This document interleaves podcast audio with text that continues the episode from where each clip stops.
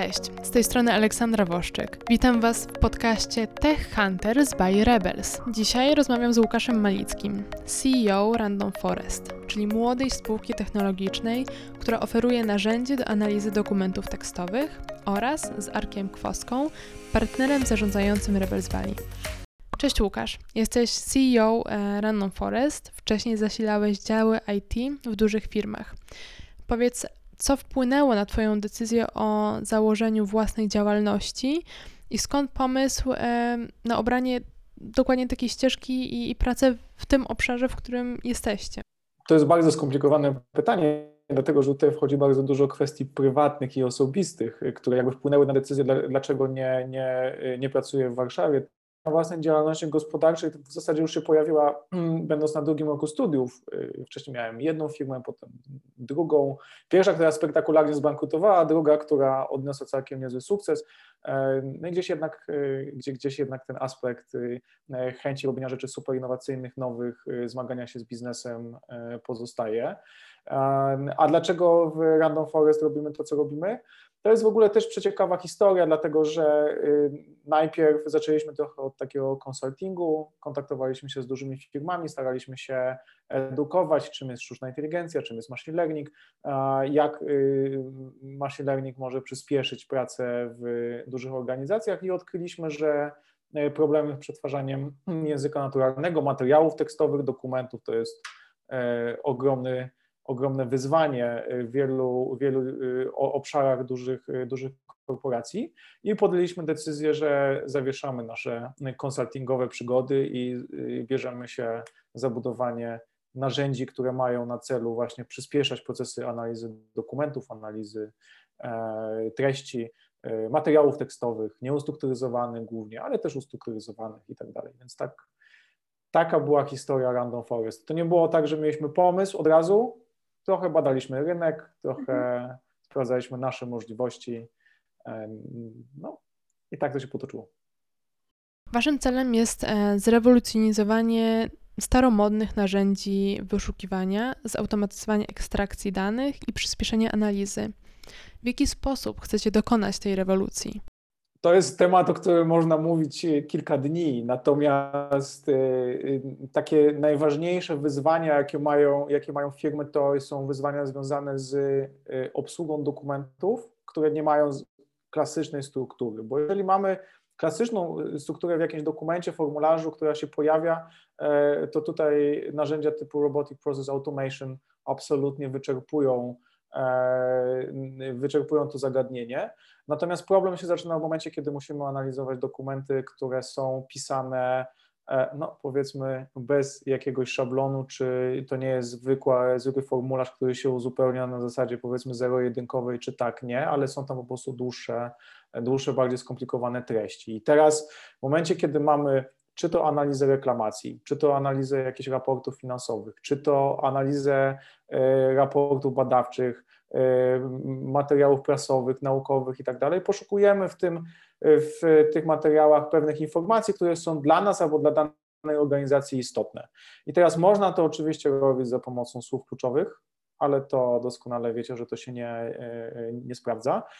Dlatego implementujemy rozwiązania machine learningowe, które analizują kontekst. Kontekst, y, który, e, który idzie za, za tekstem i, e, i z tego staramy się ekstrahować najważniejsze, najważniejsze informacje. Można popatrzeć na to w ten sposób. Ctrl F, zwykłe wyszukiwanie, musimy dokładnie wiedzieć, czego szukamy. Konkretnej daty, konkretnego miejsca, konkretnego nazwiska. W przypadku modeli machine learningowych jesteśmy w stanie zadawać pytania otwarte. Na przykład, czego dotyczy projekt, czy projekt zakończy się sukcesem, kto, kto został nowym prezesem spółki, kiedy prezesa można zwolnić i tym podobne. Tak więc y, to jest zupełnie inne, zupełnie inne podejście do, y, do analizy i do wyszukiwania treści, czy tam najważniejszych informacji w tych materiałach. Nie bez kozery mówi się, że dane są bezcennym czynnikiem w budowaniu przewagi konkurencyjnej. W Random Forest do przetwarzania danych wykorzystujecie sztuczną inteligencję. Powiedz, czy nowoczesne technologie są e, w tym działaniu bardziej efektywne niż człowiek i czy w efekcie zastąpią człowieka?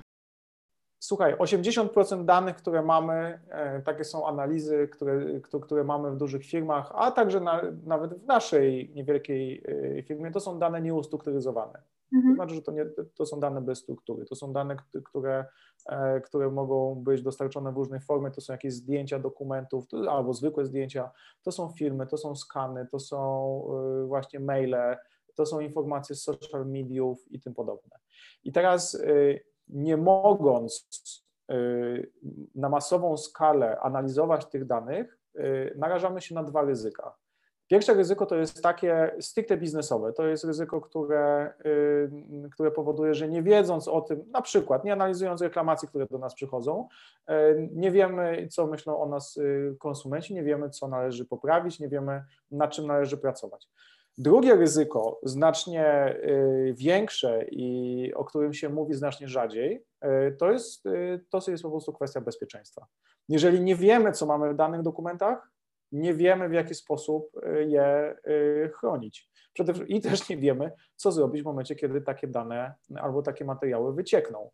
Mhm. Więc posiadanie narzędzi, które są w stanie analizować albo chociażby klasyfikować to, co się znajduje w tych, tych dokumentach i w jakiś sposób y, automatycznie tagować, oznaczać itd. znacząco przyspiesza pracę, dlatego że raz, narzędzia machine learningowe działają 24 godziny na dobę, 7 dni w tygodniu, nie męczą się. W przypadku y, pracy ludzkiej doskonale, doskonale wszyscy wiemy, jak to jest, że człowiek jednak z biegiem E, z biegiem czasu w ciągu dnia traci swoją, e, traci swoją e, efektywność. Człowiek analizując jakiś dokument też analizuje go w zasadzie do pewnego momentu, aż uzna, że odpowiedź, którą znalazł na dane pytanie jest taki wystarczająco, wystarczająco dobra. Nie analizuje często dokumentu do samego końca i narzędzia do analizy tekstów powodują, że każdy taki model przechodzi przez absolutnie cały dokument. To oznacza, że on jest w stanie wskazać miejsca w dokumencie, gdzie znajduje się potencjalna odpowiedź na Twoje pytanie. Oczywiście jest uszczegółowieniem, że tutaj z prawdopodobieństwem naj, najwyższym, ale tutaj trochę niższym. Natomiast on czyta cały, cały dokument zawsze, czyli, yy, czyli to jest jakby yy, biorąc pod uwagę, że człowiek jest leniwy z, z natury, no oczywiście nie każdy, no bo My nie, inni, no wiadomo, ale, ale, ale e, staramy się tę pracę wykonywać, wykonywać jak najszybciej. Modele machine learningowe działają trochę z takim uporem maniaka, można powiedzieć psychopaty. Będziesz szukał do momentu, aż, aż nie znajdzie. Oczywiście tutaj człowiek podejmuje finalnie decyzję, czy znaleziona, czy znaleziona odpowiedź jest poprawna, czy poprawna, czy, czy, czy nie. E, natomiast y, będzie analizował te, te treści, te treści, a rzeczywiście a rzeczywiście nie znajdzie odpowiedzi na dane, na dane pytanie.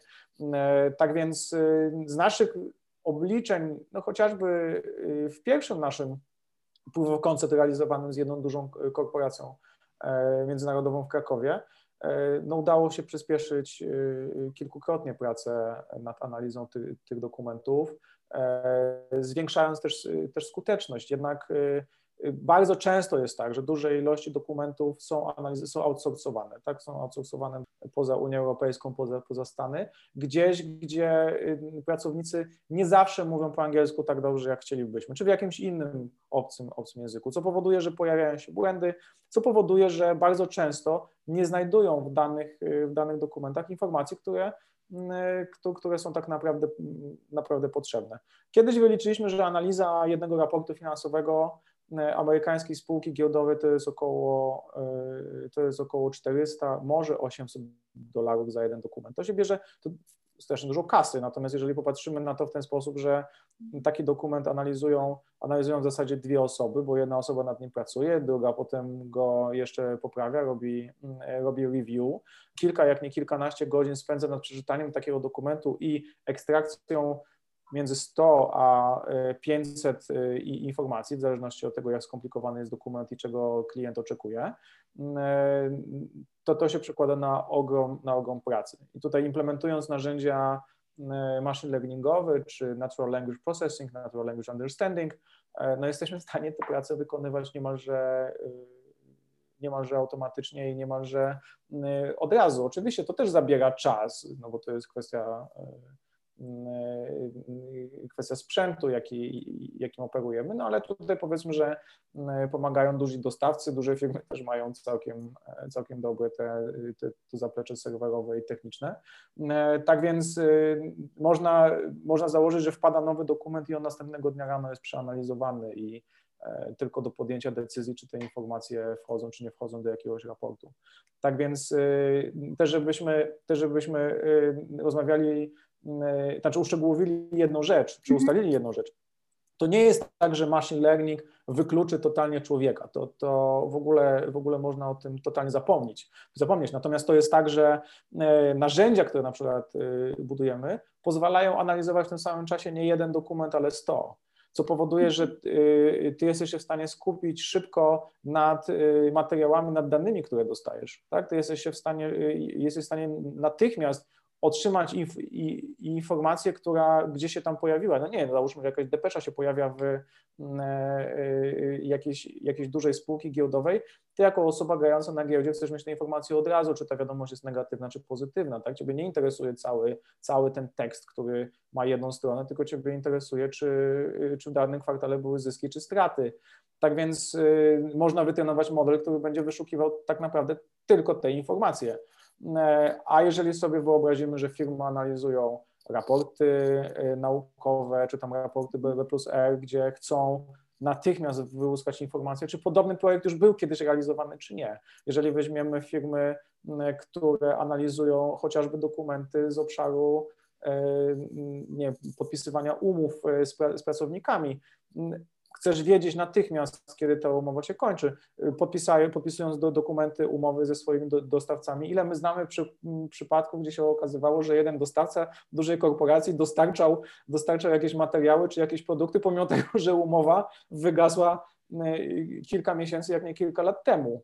I bardzo dużo, i bardzo dużo takich, te, te, mhm. takich przypadków, czasami nawet opierających się na, czy powodujących bardzo duże straty dla danych firm, jeżeli się okazuje, że e, przy bardzo dużych kontraktach, szczególnie między dużymi korporacjami, jedna korporacja e, w pewnym momencie nie do końca wie, czy nie jest świadoma tego, za co powinna swojego partnera biznesowego charge'ować. To wcale, to wcale nie jest takie rzadkie, bo jeżeli mamy umowy, które, które mają po 200-400 stron, to czasami znalezienie tego fragmentu, czy za dany E, produkt, czy tam za daną usługę powinniśmy klienta zcharge'ować, czy to może wchodzić do pakietu, który mamy mu dostarczać, czasami jest, e, czasami jest nie, nie że niemożliwe, bo to się oczywiście da zrobić, tylko, tylko czasami po prostu firmy o tym zapominają. Ja miałem w 2009 założyłem firmę, która robiła prawie to samo, co Random Forest. Prawie to samo, e, bo firma, algorytmy sztucznej inteligencji jeszcze nie, nie były tak zaawansowane. Myśmy to wszystko robili e, na sieci semantycznej, robiliśmy to w trochę bardziej stochastycznymi metodami. E, natomiast wtedy zdecydowanie rynek jeszcze na to nie był gotowy. I ja w tej chwili widzę e, dużo rozwiązań tego rodzaju, które się uruchamiają, które działają, które sprzedają. Dla mnie wtedy przekonanie klienta o tym, że warto analizować dane, warto z nieustrukturyzowanej formy wyciągnąć strukturalne dane, wyciągnąć po prostu dane z, z dokumentów, ze słów, z literek. Wtedy to było, powiedziałbym, praktycznie niemożliwe. W tej chwili, jak widać, działa. Pierwsze korporacje, czy może nawet nie, już nie pierwsze, płacą za tego typu usługi i, i się dzieją, ale coś, co mnie zaciekawiło, bo ja Knowledge Hivesy, czyli, czyli firmę, która wtedy się tym zajmowała, jak to ładnie nazwałeś, spektakularnie zbankrutowałem. Po pozyskaniu świetnego kontraktu w Szwajcarii, no ale to jakby dłuższa historia, inny, inny moment. E, ale ty powiedziałeś, że ty masz za sobą też bankructwo. Powiedz mi, Łukasz, czego ty się nauczyłeś z tego bankructwa? Co uważasz, że, że było takim, taką jedną lekcją, którą, którą z tego wyniosłeś? Bo to jest bolesna lek szkoła, ale przynajmniej z mojej perspektywy jest to, jest to duża szkoła. Jestem ciekawy, co ty powiesz, natomiast ja się nauczyłem tak naprawdę jednej rzeczy, która teraz się pojawia na pierwszym miejscu we wszystkich raportach, a mianowicie stworzyliśmy produkt, e, na którego nie było, nie było klientów. I that's it. To nie ma, nie ma tutaj co polemizować z tym. Y, stworzyliśmy, y, stworzyliśmy coś, czego się, y, czego się potem nie dało sprzedać. Nie dlatego, że ten produkt był zły, bo on był najlepszym produktem na świecie. Natomiast, natomiast nikt za niego nie chciał zapłacić tyle, żeby nam się to, żeby nam się to opłacało. I teraz jak oglądam sobie raporty, co, co powoduje, że bankrutują startupy, że no, że się po prostu nie udaje, tak? No to to jest właśnie to, że tworzymy, wpadamy na genialny pomysł, a potem się okazuje, że może on jest genialny, natomiast nikt za niego nie chce, nie chce zapłacić, bo rozwiązania są inne, darmowe, albo nie wiem, du, duzi gracze robią dokładnie, do, dokładnie to samo za, za połowę ceny, a nawet za dwukrotność ceny, ale to jest duży gracz, a, a ty jesteś startupem i to, i to jest rzecz, której, której, się, której się e, wtedy nauczyłem. Natomiast to też nie jest tak, że wyniosłem jeszcze jedną lekcję. To, to, to, tę drugą lekcję wyniosłem z kolei z drugiej firmy i w zasadzie uczę się i, i, i jestem w trakcie realizowania tej, tej, tej, lekcji teraz, a mianowicie to jest sprzedaż i marketing. Można być absolutnym, można mieć absolutnie genialny pomysł, można być absolutnie zjawiskowym deweloperem, data scientistą, kimkolwiek y, chcesz. E, jeżeli nie ma sprzedaży, jeżeli nie ma marketingu, to, to nie ma firmy, po prostu. I, i, i to jest rzecz, gdzie E, już nawet na własnym, znaczy kolejnym naszym przykładzie widzę, że e, trochę za późno zaczęliśmy z marketingiem i sprzedażą i, i trzeba się za to bardzo poważnie brać. No ja się w 100% podpiszę pod tym, co powiedziałeś. Znaczy, myśmy byli zakochani w swojej technologii. Pokazywaliśmy technologię w, w środowisku międzynarodowym, wygrywaliśmy jakieś tam nagrody i, no i to było, to było niesamowite, bo to, tak, to była świetna technologia, to była jedna z najlepszych technologii na świecie. No tylko nikt się jakoś na tym za bardzo nie poznał, bo tego nie chciał kupić, a ci jedni, którzy chcieli kupić, to nam w końcu za to nie zapłacili, więc no. E, Ale widzisz, to wcale, wcale ja, ja wiem, że minęło 8 lat, tak jak powiedziałeś, no, czy tam kilka, natomiast y, kwestia jest tego typu, że w dalszym ciągu y, świat wcale nie jest tak wyedukowany, jakbyśmy tego chcieli. Mm. E, firmy, które działają w branży IT, mają swoje zespoły IT i tak dalej, y, wiedzą, co to jest machine learning, wiedzą, jakie może to dać korzyści. Natomiast regularnie jest tak, że do jakiejś firmy dużej da się wprowadzić rozwiązania machine learningowe tylko dlatego, że tam jest człowiek, który, który w to wierzy i który przekona osoby, osoby decyzyjne. To jest, y, y, to jest regularny, e, regularna historia, która się, która się powtarza. Myślę, że w Twoich czasach było jeszcze gorzej. Myśmy Teraz... nie używali słowa machine learning, bo ono nie istniało praktycznie. Teraz to też jest deal breaker czasami. To ja sobie. Tak, to prawda. No. Ale Łukasz, to, to w takim razie pytanie, bo, bo skoro mówisz, że to jest rzecz, na której, czy to jest słowo, na którym łamią sobie języki e, decydenci w, u Twoich klientów, tak, w dużych korporacjach, to może po prostu pomysłem na to jest nieużywanie tego słowa i mówienie bardziej o rozwiązywaniu problemów niż o technologii, która to rozwiązuje, bo, bo to jest to, to nasze inżynierskie, jesteśmy zakochani w swojej technologii i używamy słów, które dla nas są fajne, które u nas i w naszym środowisku powodują pewnego rodzaju ekscytację, no bo robimy fajne rzeczy. Ale klienta tak na koniec dnia interesuje rozwiązanie jego problemu, a to, nie to, czy to jest machine learning, czy e, kontener studentów. No nie mogę się nie zgodzić. Y, y, Artificial Intelligence świetnie brzmi na stronie internetowej, warto to gdzieś zamieścić, dlatego że są ludzie, którzy to, y, którzy to rozumieją, którzy, dla których to jest szalenie, szalenie istotne. Natomiast rzeczywiście, rozmawiając z osobami decyzyjnymi, lepiej używać słowa automatyzacja, skupić się na e, możliwościach, na statystykach, na procentach, niż, niż żeby opowiadać o tym, e, jak działa machine learning i jak sieci neuronowe będą w stanie zrewolucjonizować e, jakiś proces, bo wtedy ta rozmowa rzeczywiście sprowadza się, sprowadza się donikąd. Oczywiście są osoby w dużych firmach, dla których, no, z którymi można siąść i, i, i w zasadzie z półtora godzinnego spotkania robi się, cały, się cały, cały dzień i rozmawiamy o Bertach, Albertach i innych, i innych modelach. Natomiast no, umówmy się, to trzeba, to trzeba siedzieć wy i, i czerpać, z tego, i czerpać z tego satysfakcję. Na koniec dnia w biznesie, co powiem, co nikogo nie, nie, nie zaskoczy, y, no bierzemy pod uwagę, czy, czy możemy na tej technologii zarobić, czy ona nam się zwróci. No, to jest no, truizm, swoją drogą, do którego też dochodziłem chwilę czasu. Arek, jak sprzedawać innowacyjne rozwiązania, które, tak jak przed chwilą zresztą wspomnieliście, nie dla wszystkich muszą być zrozumiałe? Wiesz co, przede wszystkim nie sprzedawać innowacyjnych rozwiązań. Znaczy, innowacyjne rozwiązanie e, zawsze e, rozwiązuje czy adresuje jakiś problem biznesowy, który jest e, klasycznym biznesowym problemem i, i który można w ten sposób zaadresować, którego rozwiązanie można przełożyć na pieniądze, zyski, optymalizację procesów, poprawienie jakości świadczonej usługi. A to, czy używać słowa innowacja, machine learning e, i innych bardziej technologicznych, to już pewnie bardzo zależy od samego procesu sprzedażowego i od tego, kogo mamy po drugiej stronie. No bo oczywiście, jeżeli mamy po drugiej stronie pasjonata technologii, kogoś, kogo e, wiemy, że, e, że, że dużo bardziej zainteresuje wdrożenie czegoś innowacyjnego, no to, to pewnie, że to musi, tego musimy używać. Natomiast jest to osoba, która na koniec dnia i tak będzie musiała pójść do e, swojego szefa z reguły, będzie musiała pójść do zarządu, do działu prokurmentu i pokazać business case, pokazać cyferki, które w jaki sposób to wdrożenie uwiarygodnią, które spowodują, że to wdrożenie będzie opłacalne i nie mówię tu tylko o pieniądzach, bo, bo, bo czasami to jest po prostu poprawienie jakości obsługi klienta i, i to jest jakby wystarczający powód. E, natomiast e, przede wszystkim mówić językiem korzyści, ale językiem korzyści, który nie jest naszym językiem, tylko jest językiem klienta. Powiedziałeś, że w Random Forest za późno zaczęliście sprzedawać. Czy na swojej drodze napotkaliście jakieś problemy w procesie sprzedaży? Wiesz co, to jest w zasadzie to, co Arek powiedział przed sekundą.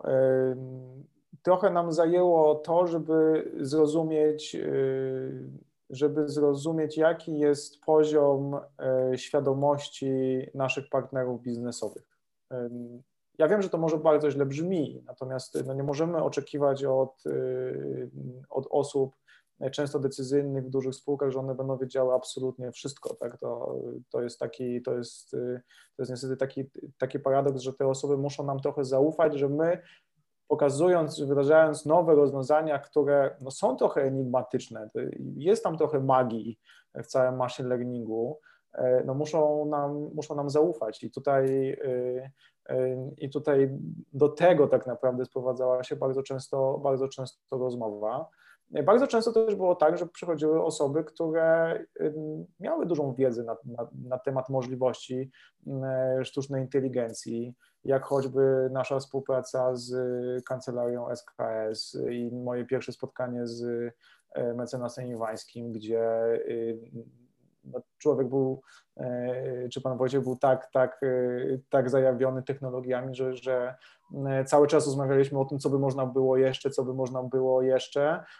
Potem przygoda z grupą Azoty i z panem Krzysztofem Szulcem, który też bardzo dużo wiedział, bardzo dużo chciał się dowiedzieć, był tego pasjonatem, fascynowało go to, to jest absolutnie człowiek na właściwym miejscu, ponieważ on się zajmuje innowacjami w, az, w, w azotach i e, człowiek ma ogromną, ogromną wyobraźnię i właśnie o tą wyobraźnię chodzi, że już się spotka człowieka, który ma e, wyobraźnię, któremu można pokazać e, te use case, a nawet niekoniecznie rozmawiać o wiem, realizacji KPI, tylko po prostu pokazać, jak to może fantastycznie grać wspólnie, to wtedy już taka osoba znajduje zastosowanie. I czasami jest tak, że wystarczy no, dać tę wędkę i, i, i, i potem ta osoba już sobie zaczyna wyobrażać i już wie dokładnie, w którym departamencie, kto tego może potrzebować, jak to trzeba dostosować, bo przecież narzędzia, które produkujemy i tworzymy, to nie jest narzędzie y, jedno, to nie jest jeden program, tylko to są narzędzia, które, które dostosowujemy za każdym razem do, y,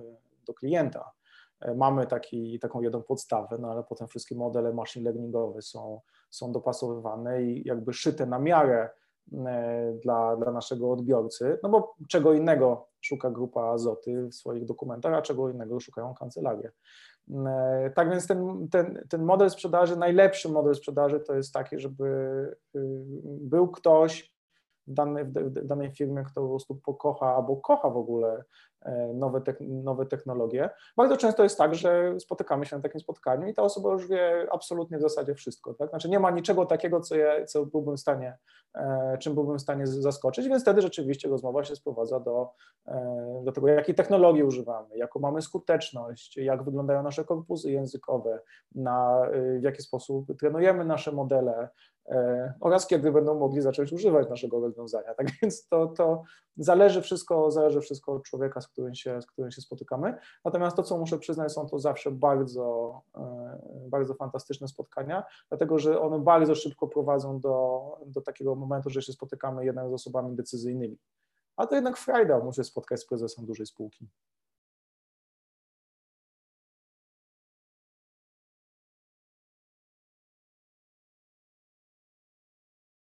Random Forest powstał e, około dwóch lat temu.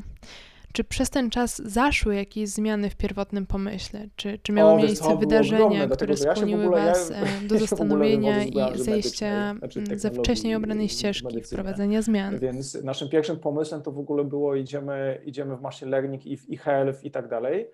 Mm, e, trochę nam to nie wyszło. Znaczy trochę wyszło, trochę nie wyszło, bo przy projektach y, e-healthowych też pracujemy w domenie NLP i analizujemy treści, y, czy to artykułów medycznych, czy to, y, czy to wypisów i, i, i, innych tego typu, no wszędzie tam, gdzie są materiały tekstowe w, w służbie zdrowia. Natomiast też bardzo silnie chcieliśmy robić taki consulting w dużych firmach. Tak? Chcieliśmy pokazywać, że tutaj e, co można robić z danymi, co można robić z obrazami, co można zrobić z tekstem e, i w którymś momencie odkryliśmy, że jednak ten tekst i analiza, analiza materiałów tekstowych e, to, to jest taka jeszcze niezagospodarowana nisza.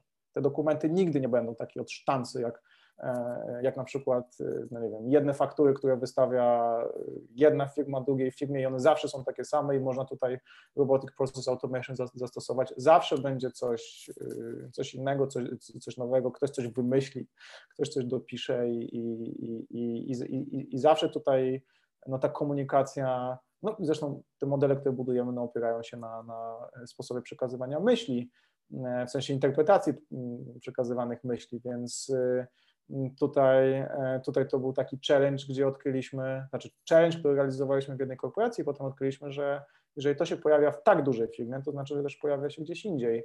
I rzeczywiście to była prawda. A potem już wszystko potoczyło się samo. Zbudowaliśmy własny korpus języka polskiego. Potem e, w międzyczasie, czy chwilę potem nawiązaliśmy współpracę z grupą Azoty, jakieś mniejsze, e, mniejsze projekty legal techowe, E, potem otrzymaliśmy szybką ścieżkę, gdzie realizujemy, robimy chmurę analityczną języka naturalnego. E, tak więc y, trochę wsiąkliśmy w analizę, analizę materiałów tekstowych, tekstów NLP, NLU i tym podobne.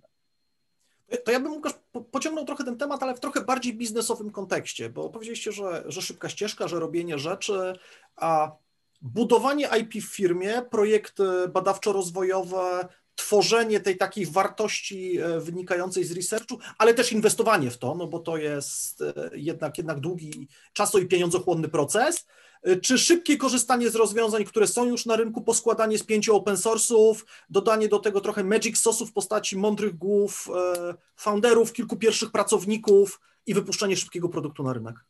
Myślę, że częściowo tak trzeba było zrobić kiedyś. Myślę, że to jest, to jest dobry, e, to jest, to, jest bardzo dobry, przyspieszony kurs, w jaki sposób się nie wypukać z, z kasy jako startupowiec.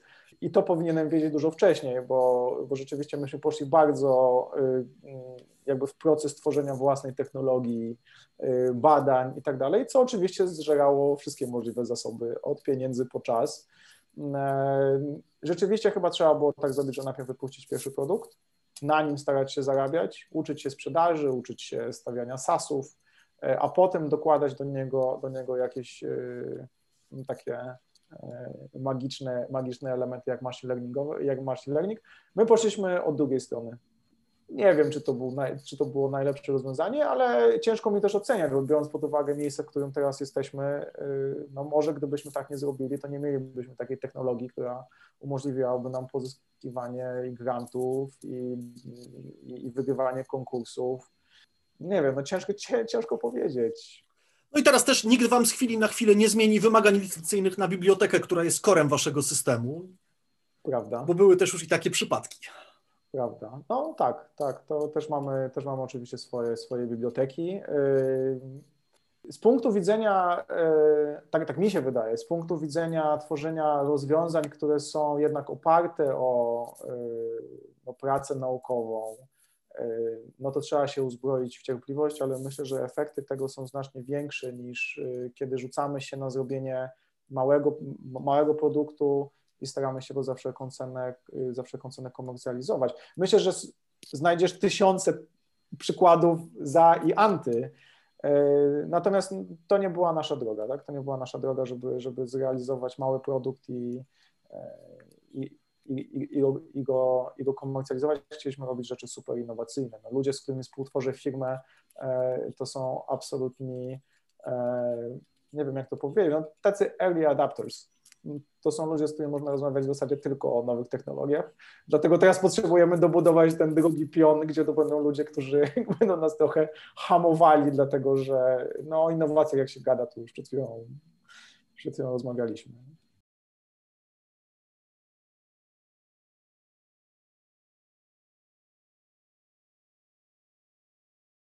Łukasz, wspomniałeś o konkursach. Mm, chciałabym się tutaj na chwilę zatrzymać. W 2018 roku zostaliście wyróżnieni nagrodą ABSL Diamonds. W 2020 roku zostaliście finalistą ABSL Tech Lab. Jesteście młodą spółką z niemiałym doświadczeniem i rozpoznawalną na rynku. Powiedz, co zachęciło Was do aplikowania do programu Startup Małopolska? I co wynosicie dlatego, z programu? Jaka jest y, jego wartość w, z Waszej perspektywy? już dwa lata temu z naszą technologią. W ogóle jest totalny proof of concept i, i, i wysłaliśmy zgłoszenie. Dostaliśmy się do y, nie chcę powiedzieć, że do finału, bo to nie był finał, tylko to były takie półfinały bardziej właśnie z tego obszaru, gdzie, gdzie aplikowaliśmy. Przegraliśmy niestety z, z, tam nas było pięć zespołów, no nie dostaliśmy się do finału, tam pamiętam, że firma Smumbler wygrała wtedy te półfinały i mieli przyjemność prezentować swoje rozwiązanie w Warszawie na gali. Trochę czasu upłynęło i zrobiliśmy tak dobre rozwiązanie, że udało się wygrać konkurs ABSR LabTech y, w tym roku. E, I no nie ukrywam, ogromna, ogromna satysfakcja i ogromna, ogromna radocha, że wtedy się nie udało, dzisiaj się udało. Natomiast y, my wyszukujemy takich, y, ta, ta, takich konkursów, nawet nie konkursów, bo to nie chodzi o, bo, bo, bo ten konkurs małopolski to zaaplikowaliśmy i, i, i, myślę, że byliśmy na tyle dobrzy, że, że, że, się dostaliśmy tutaj do tego elitarnego grona osób, które mają możliwość korzystania e, z e, tych warsztatów, szkoleń i, i przede wszystkim networkingu. E, I myślę, że tym odpowiedziałem na Twoje pytanie. Znaczy, nigdy networkingu za mało, nigdy szkoleń y, za mało. Oczywiście są takie, są takie momenty, kiedy już nie można robić po raz piąty tego, te, tego samego, jak na przykład, nie wiem, y, no nie warto zresztą. Każdy, kto jest pięć razy na tych samych szkoleniach, wie, że za piątym razem już y, może coś wymyśli nowego, może nie. Natomiast nigdy networkingu za mało, nigdy rozmowy z ludźmi, którzy, którzy mają inną perspektywę niż ty tego nigdy, tego nigdy nie brakuje i nigdy nie należy odrzucać takich, e, ta, takich możliwości, bo e, tutaj będziemy mieli czy mamy możliwość rozmawiania z ludźmi, którzy reprezentują bardzo duże firmy. Tutaj mamy możliwość jakby walidowania naszego, naszego pomysłu i przede wszystkim to, co nas najbardziej w zasadzie interesowało, to szkolenia, kursy i doradztwo w zakresie marketingu i marketingu i sprzedaży, ułożenie tego marketingu, zastanowienie się, jaki będzie sposób sprzedaży najlepszy e, i, i tak dalej. Więc e, pomimo tego, że jesteśmy, już zaczynamy być dosyć rozpoznawalni, to uważam, że wciąż uczestnictwo w tego typu warsztatach, tego typu szkoleniach, w tego typu konkursach, które dają nawet nie tyle co kasę, no bo e, tutaj dostajemy ją w zupełnie innej e, formule, jest e, szalenie wartościowa. Po prostu. Łukasz, ale powiedziałeś, głównie skupiłeś się na tych wartościach edukacyjnych, czy powiedzmy też networkingowych, ale tak już przechodząc bardzo do biznesu. czy, czy te projekty, czy, czy ABSL Tech Lab, ABSL Diamonds wcześniej, tak, czy no Startup Małopolska to jeszcze trochę za wcześnie, czy one ci wygenerowały jakiś biznes? Albo jakiś potencjał na biznes chociaż? Czy uważasz, że z takiego biznesowego punktu widzenia e, to był stracony czas, czy nie? Nie, nie. To znaczy, mm, powiem Ci tak, to jest y, zawsze ogromna szkoła. Przygotowywanie się do ABSL Tech Lab na przykład zajęło nam bardzo dużo czasu. Tak? I to nie dlatego, że no po prostu zajęło dużo czasu. Tak? Przygotowanie prezentacji, zastanowienie się, y, przygotowanie, przygotowanie sobie, y, przygotowanie się nawet do tego wydarzenia, które, które miało miejsce na, nie na gali, no na gali powiedzmy, czytanie sobie, wiesz, o, o tym, czego potrzebują korporacje i tak dalej, czy ta cała otoczka, która jest dookoła, bo nie możesz wystąpić na, nie możesz zrobić prezentacji i być do tego, i być do tego nieprzygotowanym, biorąc pod uwagę, że gdzieś e, patrzy na ciebie kilkaset, e, kilkaset osób, które potencjalnie są twoimi klientami. Więc z jednej strony to jest taka wartość, która wychodzi, wychodzi bezpośrednio z nas. Z drugiej strony, odpowiadając na Twoje pytanie bezpośrednio, tak, mamy z tego, mamy z tego klientów. Są ludzie, którzy się do nas odzywają, są osoby, są firmy, które się z nami kontaktują, proszą, proszą o rozmowy, proszą, znaczy proszą, no, proponują, żebyśmy, żebyśmy, się, żebyśmy się spotkali, pogadali. E, bardzo często nic z tego nie wychodzi, e, ale też e, jeżeli już z jakąś firmą coś wyjdzie, to zwykle to są, to są przeogromne i długotrwałe kontrakty. Więc odpowiadając na pytanie zero-jedynkowo, tak bardzo dużo nam to daje, biznesu nam to też daje. To, to nawet po wydarzeniu, o chociażby po wydarzeniu w KPT, gdzie wdrożyliśmy rozwiązanie do analizy, analizy dokumentów, stworzyliśmy repozytorium dla grupy Azoty i konferencja, która była organizowana przez KPT. Tutaj się pojawiały kontakty, zapytania, prośba o przesłanie prezentacji. Tak jak mówię, 9 na 10 razy nic z tego nie wychodzi. Tak? To jest czasami ktoś dochodzi do wniosku, że nie za taki budżet, że to jest niepotrzebne i tak dalej, że lepiej zatrudnić stażystę, który zrobi to samo w porządku. Natomiast jeżeli dochodzi do jakiegoś wolumenu, a takich firm jest przecież bardzo dużo, przecież tutaj za rogiem Krakowie moim mamy cały, całe zaplecze GBS-owe, myślę, że całego zachodniego świata, y, no to tych materiałów jest, y, no, no to, to, to są tony, no po prostu. Tak? I, i, y, I takie wydarzenia bardzo dużo, bardzo, bardzo, bardzo nam pomagają. Jest bardzo dużo ludzi w dużych firmach, które się zajmują stricte innowacjami które się, które w ogóle, w ogóle powstają departamenty innowacji, co pewnie za Twoich czasów, jak wprowadzałeś swoje rozwiązanie, nie było. Natomiast no, te osoby są i one wyszukują takich firm jak, i, jak my. Potem nam mówią, no tak, macie takie rozwiązanie, ale jest inna firma, która też ma podobne. Okej, okay, tak działa, tak, tak działa rynek, jeżeli są tańsi, lepsi, no to, no, no, no to w porządku. Natomiast y, y, jesteśmy cały czas w kontakcie z biznesem i ten biznes widać w Polsce się bardzo szybko rozwija. E, mówię o tym biznesie takim, o tym powiedziałbym tej komórce w biznesie właśnie związanej z innowacjami. No, firmy tego szukają. E, przedstawiciele tych firm są na takich wydarzeniach, więc y, mając możliwość aplikowania do takiego konkursu e, jak nasz teraz, y, no nie mogliśmy nie aplikować, no, po prostu. Jeszcze jak jesteśmy z Małopolski, to, to, to, to, to się, no, no nie dało się inaczej, no po prostu z mojej perspektywy pozostaje tylko pogratulować, że wyciskacie te programy akceleracyjne tak jak cytrynę, wyciągając z tego wszystko, co, co potrzebujecie i co przynosi wam wartość, bo to myślę, że też tak. Wiesz, to jest trochę być albo nie być naszej firmy, tak? Jeżeli my się teraz spóźnimy, bo co by nie mówić o machine, o, o, o machine learningu, 8 lat temu nikt o tym nie wiedział. Teraz już ludzie o tym trochę wiedzą, trochę zaczynamy o tym rozmawiać, edukujemy się i tak dalej. Za, za myślę 3-4 lata będziemy o tym rozmawiali yy, wiesz, z taksówkarzem jadąc, jadąc z, z dworca do hotelu czy, czy, czy na lotnisko. E, I jesteśmy w... Bo taksówkarz nie będzie prowadził tego samochodu, tylko samochód będzie się tak, sam po prostu będzie takim asystentem naszym, żeby nam trochę umilać, umilać czas. Natomiast e, to, my jesteśmy w, ta, w, takim momencie, gdzie musimy się bardzo mocno sprężyć. Tak?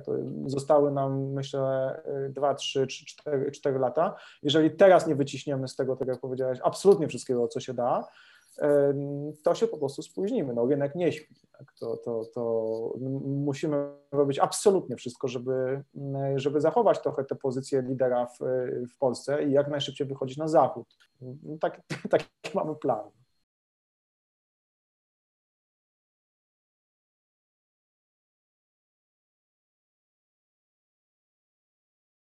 Jak Arek wspomniał, e, z programów, w których bierzecie udział, wyciskacie tyle, ile możecie. Mm, powiedz, jaki wpływ na zadowolenie z udziału w różnego rodzaju konkursach ma spółka sama w sobie? Z jakim podejściem przystępować do programów, aby rzeczywiście zmaksymalizować swoją satysfakcję korzyści, to nie jest, to nie jest a uniknąć grant, poczucia straconego czasu? Trzeba, myśmy założyli na samym początku, startując w KPT, E, że to, to, są pieniądze na nasz rozwój. I, tak, I 100% tej kasy, nawet znacznie więcej niż 100%, zostało po prostu przepalone. Zatrudniliśmy nowe osoby, e, inwestowaliśmy w, te, w, te, w technologię i tak dalej. Jeżeli podejdzie się w ten sposób, e, a do tego ma się absolutnie genialnego odbiorcę technologii, z którymi rozmawiasz, z którym dyskutujesz, którzy ci porzucają na przykład rozmowa z, z Krzysztofem Szulcem wyglądała w ten sposób.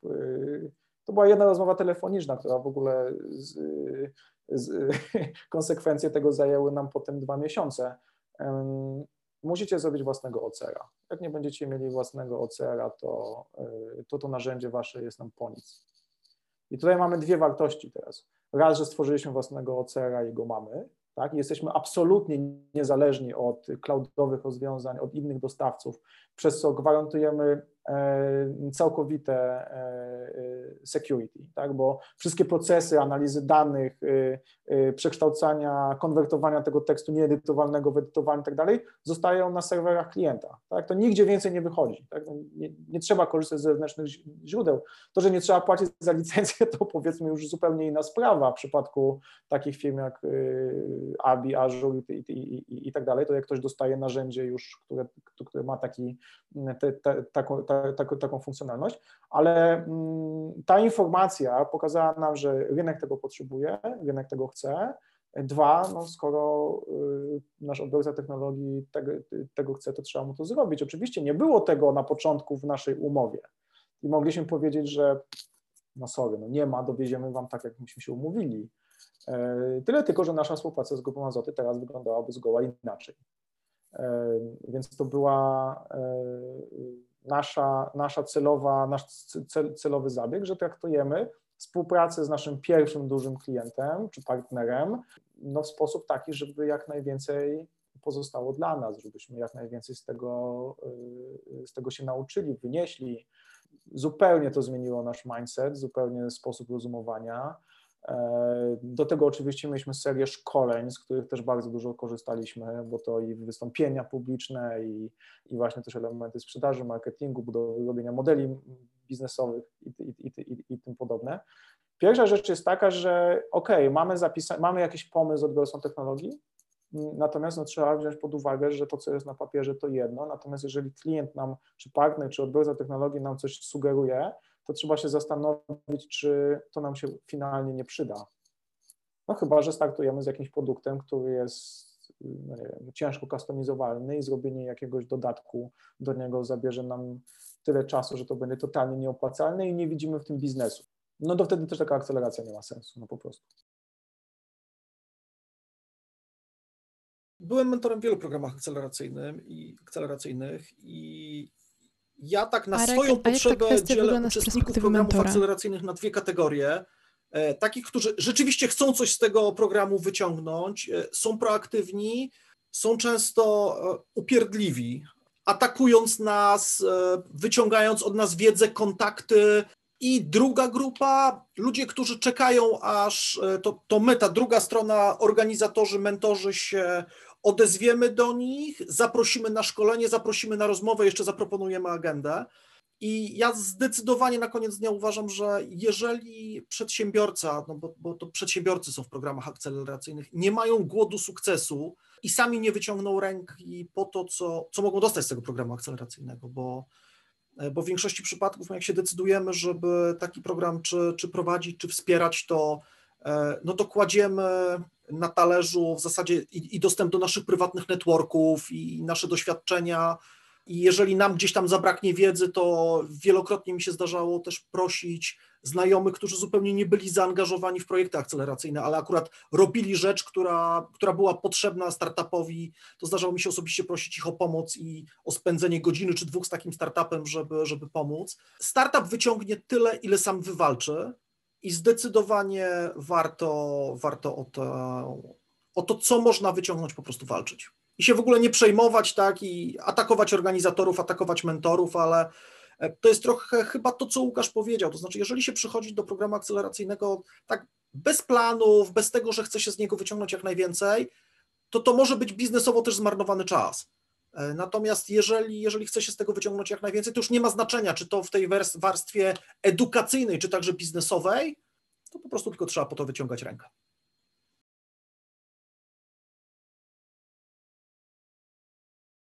Plany mamy spektakularne, bo staramy się postawić naszego pierwszego Łukasz, powiedz, SASa, jakie plany na 2021 ma Random Forest? Bardzo silnie ciśniemy w naszą chmurę analityczną języka naturalnego. Stajemy przed no, dużym wyzwaniem, bo to będzie bardzo skomplikowane i na, narzędzie. Tak więc to, są, to jest plan na, na cały przyszły rok. Myślę, że jedno i drugie uda się, uda się, uda się zrealizować. SAS w ograniczonej wersji na pewno dużo szybciej, a nasz, y, nasz produkt, który ma powstać dzięki finansowaniu, współfinansowaniu z, z NCBR-u, myślę, że gdzieś z końcem roku zacznie, zacznie się gdzieś pojawiać. No to jest nasz plan. Znowu trochę mniej biznesowy, bardziej, bardziej naukowy, bardziej taki e, tworzący wartość E, natomiast no, plany wobec e, jednego i drugiego projektu, produktu, no potem są, potem są ogromne. Może będziemy pozyskiwali jakieś finansowanie, może jakieś venture capital, zobaczymy.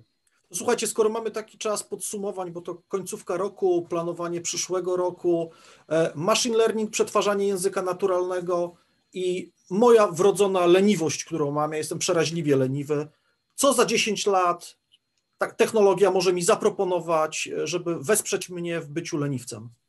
Wiesz co, myślę, że jakby 8 lat temu ktoś ci zadał pytanie, jak będzie wyglądał machine learning, to, to, to też by się trochę, to, to też by się chwilę, chwilę zastanowił. Nie wiem, to jest ogromna, to, to 10 lat to jest, to jest dekada, nie? Tak więc, no. nie wiem, w, w, sztucznej inteligencji, w machine, w machine learningu wszystko się może zmienić w przeciągu, w, w przeciągu chwili. Natomiast ja myślę, że mm, przede wszystkim, czego Ci ogromnie życzę i sobie też, dzięki temu, że narzędzia NLP będą dostępne y, na każdym, na każdym kroku, y, będziemy mieli znacznie więcej czasu na pracę kreatywną. Nie będziemy musieli może czytać aż tak wnikliwie wszystkich maili, może automatycznie ktoś nam będzie przypominał o deadline'ach. Może NLP wpadnie na pomysł, że będziecie samo organizować kalendarz, tak żeby wykreślać z tego zadania, które są dla Ciebie najmniej, najmniej istotne. E, to jest myślę niezły pomysł na biznes, żeby odwoływać spotkania, gdzie, gdzie, gdzie tak naprawdę nie są potrzebne lub nie chcesz ich robić. Ale to jest to... takie bardzo proste, proste MVP, nie? Odwoływanie wszystkiego najpierw, tak z góry, tak, Ctrl A i Delete, nie? To myślę, że, że super. I 10 euro za użytkownika za miesiąc. Myślę, że... Powiem Ci, 1 euro.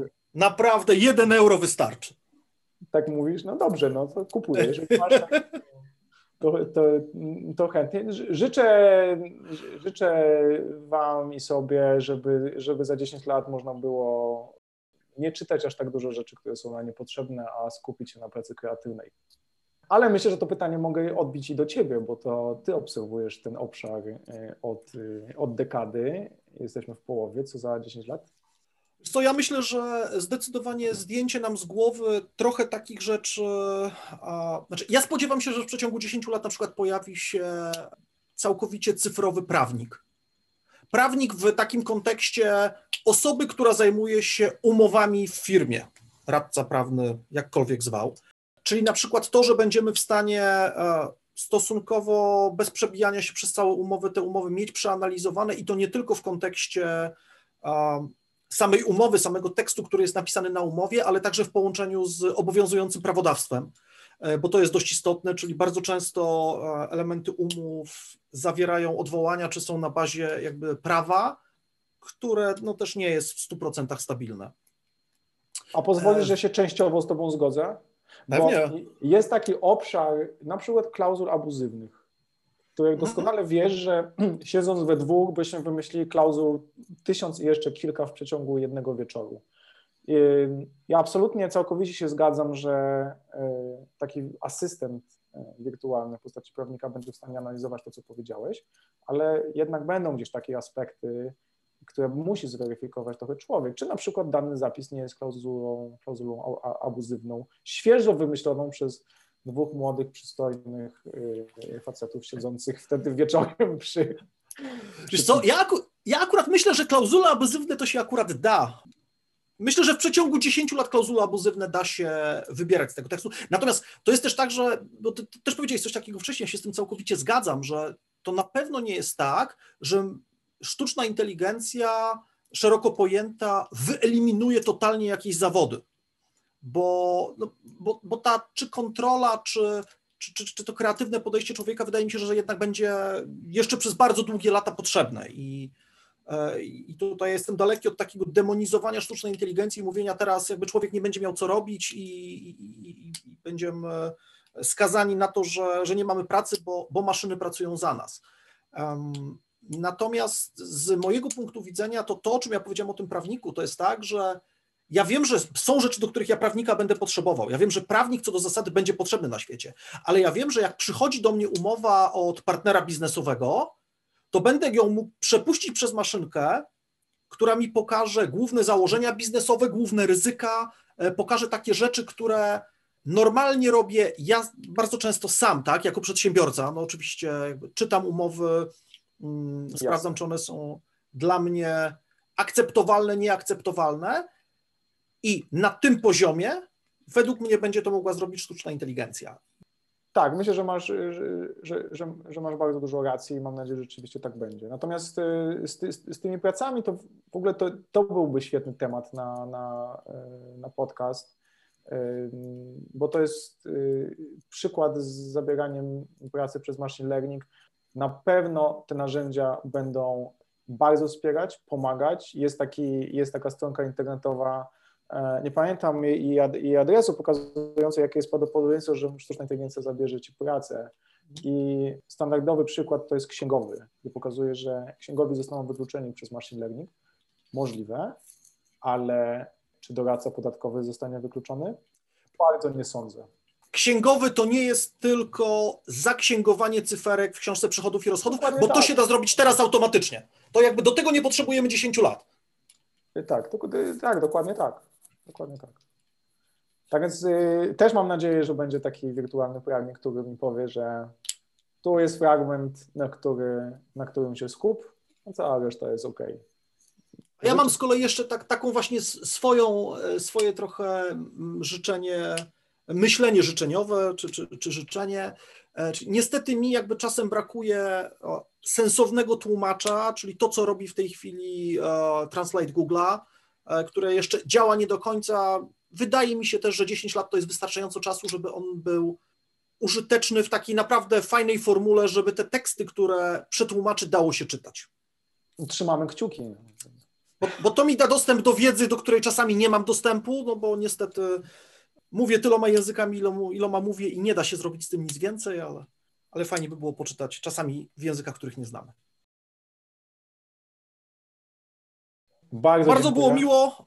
Dzięki Ola. Super. Bardzo Wam dziękuję za rozmowę.